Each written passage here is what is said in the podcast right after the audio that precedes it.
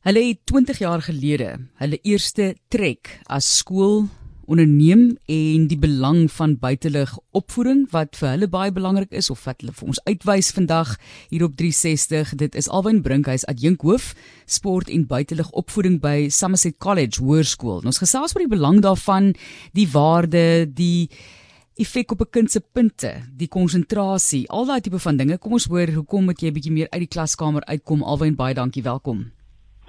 Martelies baie dankie dat ek vanmiddag saam met julle kan kuier. So waarheen het julle oral hierdie week getrek? Jo, Martelies, dit was lank. Dit die leerders het omtrent 360 km af en dit het hulle bietjie meer as 'n week gevat.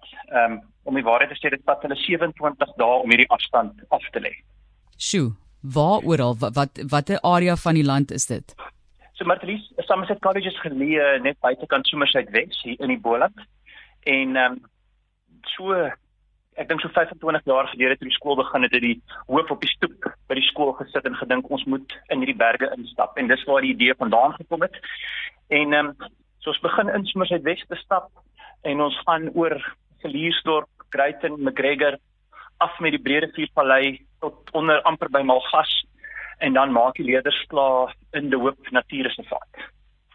Heerlik. Dit moet dit moet regtig lekker wees. Maar nou as nou iemand sê maar hoe leer die kinders? Wanneer leer die kinders as hulle nou nie in die klaskamer klaskamer is nie? Want as iets te sê vir die formele klaskamer en dan natuurlik vir hierdie studies. Daar is verskeie, ek het gesien ook aanlyn, verskeie studies wat sê dit het 'n baie groot effek op hoe goed 'n kind doen verder op skool, selfs die in die skool gedrag wat geaffekteer word. So dit dit blyk bietjie van 'n nie bietjie nie, 'n baie groot oplossing te wees vir baie van die probleme op skool. Ja, ehm um, maar dis ons ons, ons pas ons program aan dat ons 'n jaar bietjie indruk dat die leerders kan vroeg klaarmaak. So hulle skryf hulle ehm um, laaste eksamen in Oktober en dan vat ons hulle uit die skool uit vir hierdie maand. Ehm um, en ek dink hulle leer dinge op in hierdie maand wat mens nie in 'n formele klas kan kry nie. Daai dinge soos ehm um, kreatiewe probleemoplossing en besluitneming. Ehm um, goeie soos empatie teenoor jou klasmaats. Ehm um, en natuurlik dan selfdissipline en inisiatief wat hulle aan die aan die hand elke dag moet gebruik. So ons sien dit elke jaar dat hulle terugkom van hierdie maand ervaring af, hulle daai vaardighede geleer en hulle kan dit dan toepas binne die ehm um, kom ons sê die hoogs akademiese omgewing van Somerset College. Ja, ek moet sê as kind het ons ook hierdie weggaan kampe gedoen en dan het jy nou alles geleer van die plante en van die diere van hierdie area. Dit was 'n fantastiese ervaring, 'n hele naweek en jou algemene kennis word ook uitgebrei. Dink jy dit is belangrik? Hoekom is dit belangrik vir daai groot algemene kennis? Want ek meen 'n kind gaan nou studeer, hulle gaan spesialiseer in 'n rigting, dis dalk nie nodig vir hulle nie. Vir ons hier by by RSG is dit belangrik om te weet wat in die wêreld aangaan in die algemeen, maar dink jy dit dra by tot algemene kennis is, is dit ook belangrik? Definitief algemene kennis, maar dink wat nog groter as dit is, is 'n is 'n diepe waardering vir jou omgewing. Ehm um, jy weet ons ek dink baie al deesdae wat op so 'n tegnologiese omgewing is, jy sit net voor jou rekenaar, die kinders kry min tyd om uit te gaan. Ehm um, op hierdie trek spesifiek wat nou een van ons kampe is, het ons geen formele onderrig in die natuur nie. Daar's nie ehm um, lesse oor die plante en die diere, dit gebeur voor die tyd so bietjie. Ehm um, maar as hulle terugkom is daar so 'n waardering vir die omgewing. Ehm um, skielik kan jy sien dat hulle weer 'n slag voor by die skool aan 'n bietjie opkyk en die berge raak sien. Ehm um, hulle sien rommel wat rondloop op die kampus. Ehm um, en ek dink daai waardering is is amper net so belangrik soos wat die kom ons sê my algemene kennis is van van die plante en die fisiese omgewing. Ehm um, in ons groot program wat ons het, ehm um, mense as hulle nou na ons uh, webwerf gaan kyk, hulle sien ons begin af van graad 1 af met met ons ehm um, buiteligkampe in in opleiding. Ehm um, doen ons bietjie meer formeel. Ons probeer hulle ook in verskillende areas van die Weskaap neem. Ehm um, in dit definitief daai um, algemene kennis wat hulle opbou is is baie goed daardie motoriese vaardighede, selfdissipline om inisiatief te neem, om besluite te kan neem, kreatiwiteit. Daar is so baie voordele volgens julle hiervoor van graad 1 tot 11 soos jy nou ook genoem het. So gee net vir ons 'n idee van voordat ons nou kom by hoe julle dit benader, iets wat vir my wel uitstaan is daardie gedrag in die klaskamer en ek dink vir leerkragte is dit 'n groot uitdaging om jy weet beheer oor 'n kind te hou. Dis verskriklik om te sê beheer, maar baie keer is sekere kinders, al ek dink alle kinders op 'n stadium is nog maar stout en moeilik in die klas en kan nie stil sit nie en wil nie konsentreer nie en gesels mekaar en deel briefies. Deel hulle nog briefies of stuur hulle vir mekaar WhatsApps? Ek weet ek weet nie. maar daai daai is my interessant, ja. Ja, ek, ek dink dat hulle so uitgegaan het. Jy weet hulle hulle ehm um, daar's weer 'n opgewondenheid by hulle. Jy weet daar's 'n positiewe houding teenoor die skool. Ehm um, jy weet en ek en ek dink daai positiewe houding en daai gevoel uh, bring hulle weer terug na die klas toe. Jy weet en hulle kan weer dink aan die dinge wat daar buite gebeur het. Ons sien baie van die leerders sukkel om stil te sit in 'n klas.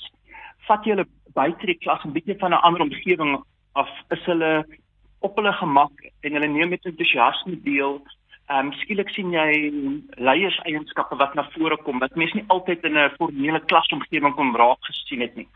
En dit gee vir hulle ook 'n bietjie 'n beter selfbeeld en dit en dit versterk dan weer sy akademiese prestasie soos om terug in klas te.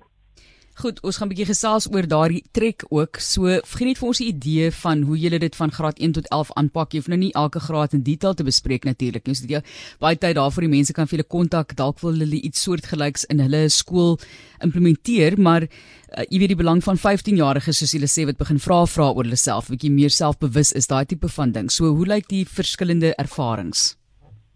Ja, ek dink dit is, is baie belangrik dat elke ouderdomsgroep moet spesifiek vir daai ouderdomsgroep is. Ons gebruik ehm um, baie die ehm um, klasonderwysers self want hulle ken die kinders en daai ouderdomsgroep die beste.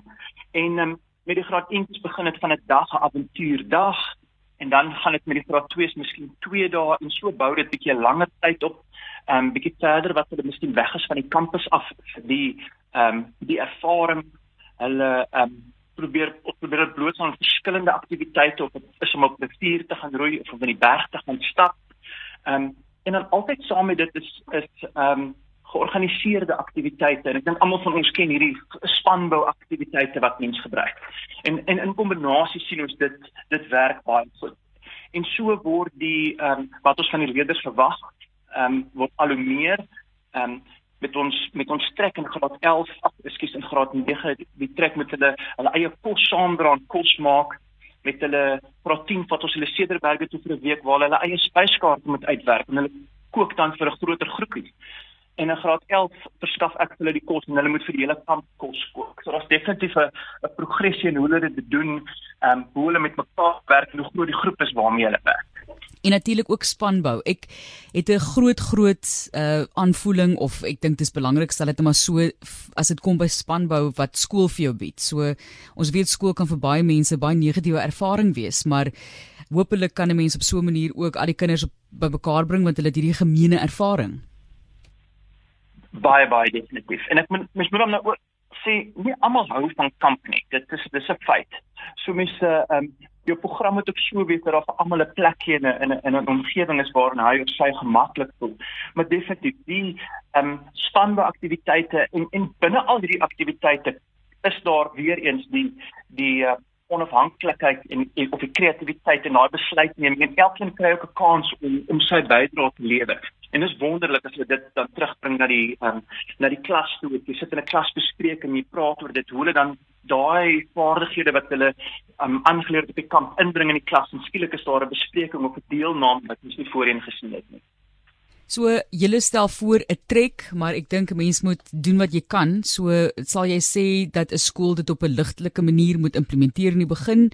Hoe het julle begin? Hoe kan ons maar ek weet julle het nou 'n groot trek alreeds 20 jaar gehad en die college is 25 jaar oud uh, volgende jaar. Baie geluk daarmee. So uh, vir 'n ander skool in die land wat iets soos dit wil begin, dalk nog nie 100% die program het, die trekprogram en al daai reëlings wat wat julle het nie en baie keer is daar nou nog ekstra geld ook hierby betrokke wat dit ook moeilik maak vir almal om deel te neem. Maar wat sal jou voorstel wees om klein te begin?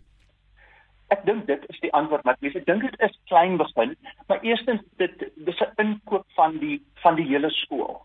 En uh um as ons praat van van van buitelug um onderrig uh, dan dan is dit in die natuur en oor die natuur. So dit kan ook klein goedjies wees waar jy klas buite toe vat en en saadjies word geplant of 'n groentetuin word gemaak en daar's soveel skole wat dit baie baie effektief doen. En en en selfs dit is 'n uh, um uh, uh, is 'n bydrae. Ek dink ons sin is net op 'n op 'n op 'n baie groot uh, vlak die die trek wat ons doen. Maar al die klein geleenthede wat die leerders kry om buite klas te wees, um, dit is relevant. Waar leerders weggeneem word vir daai oomblik van hulle elektroniese toerusting en waar hulle net weer 'n bietjie kind kan wees en van hierdie vaardighede kan gebruik, is is wonderlik. So ek dink elke skool, elke onderwyser het die het die moontlikheid om om sy kinders uit te vat en ietsie te gaan doen. En uh vinnig vinnig kom jy agter my hier's 'n hier's 'n um, holistiese benadering van die skool en 'n program wat werk vir vir jou en vir jou omgewing. Baie dankie vir hierdie inspirasie. Baie geluk met julle 25ste verjaarsdag ook volgende jaar en geniet die volgende trek. Waarheen gaan julle volgende? Is dit baie baie keer dieselfde area wat jy nou net na verwys het? Ja, ons trek is elke keer elke jaar dieselfde area. Ons verander net die roetes so 'n bietjie hier en daar. Maar um, elke ouderdomsgroep se kamp ehm um, min of meer dieselfde, maar ons probeer dit ook maar verander sodat dit relevant en um, vir die kinders kan bly.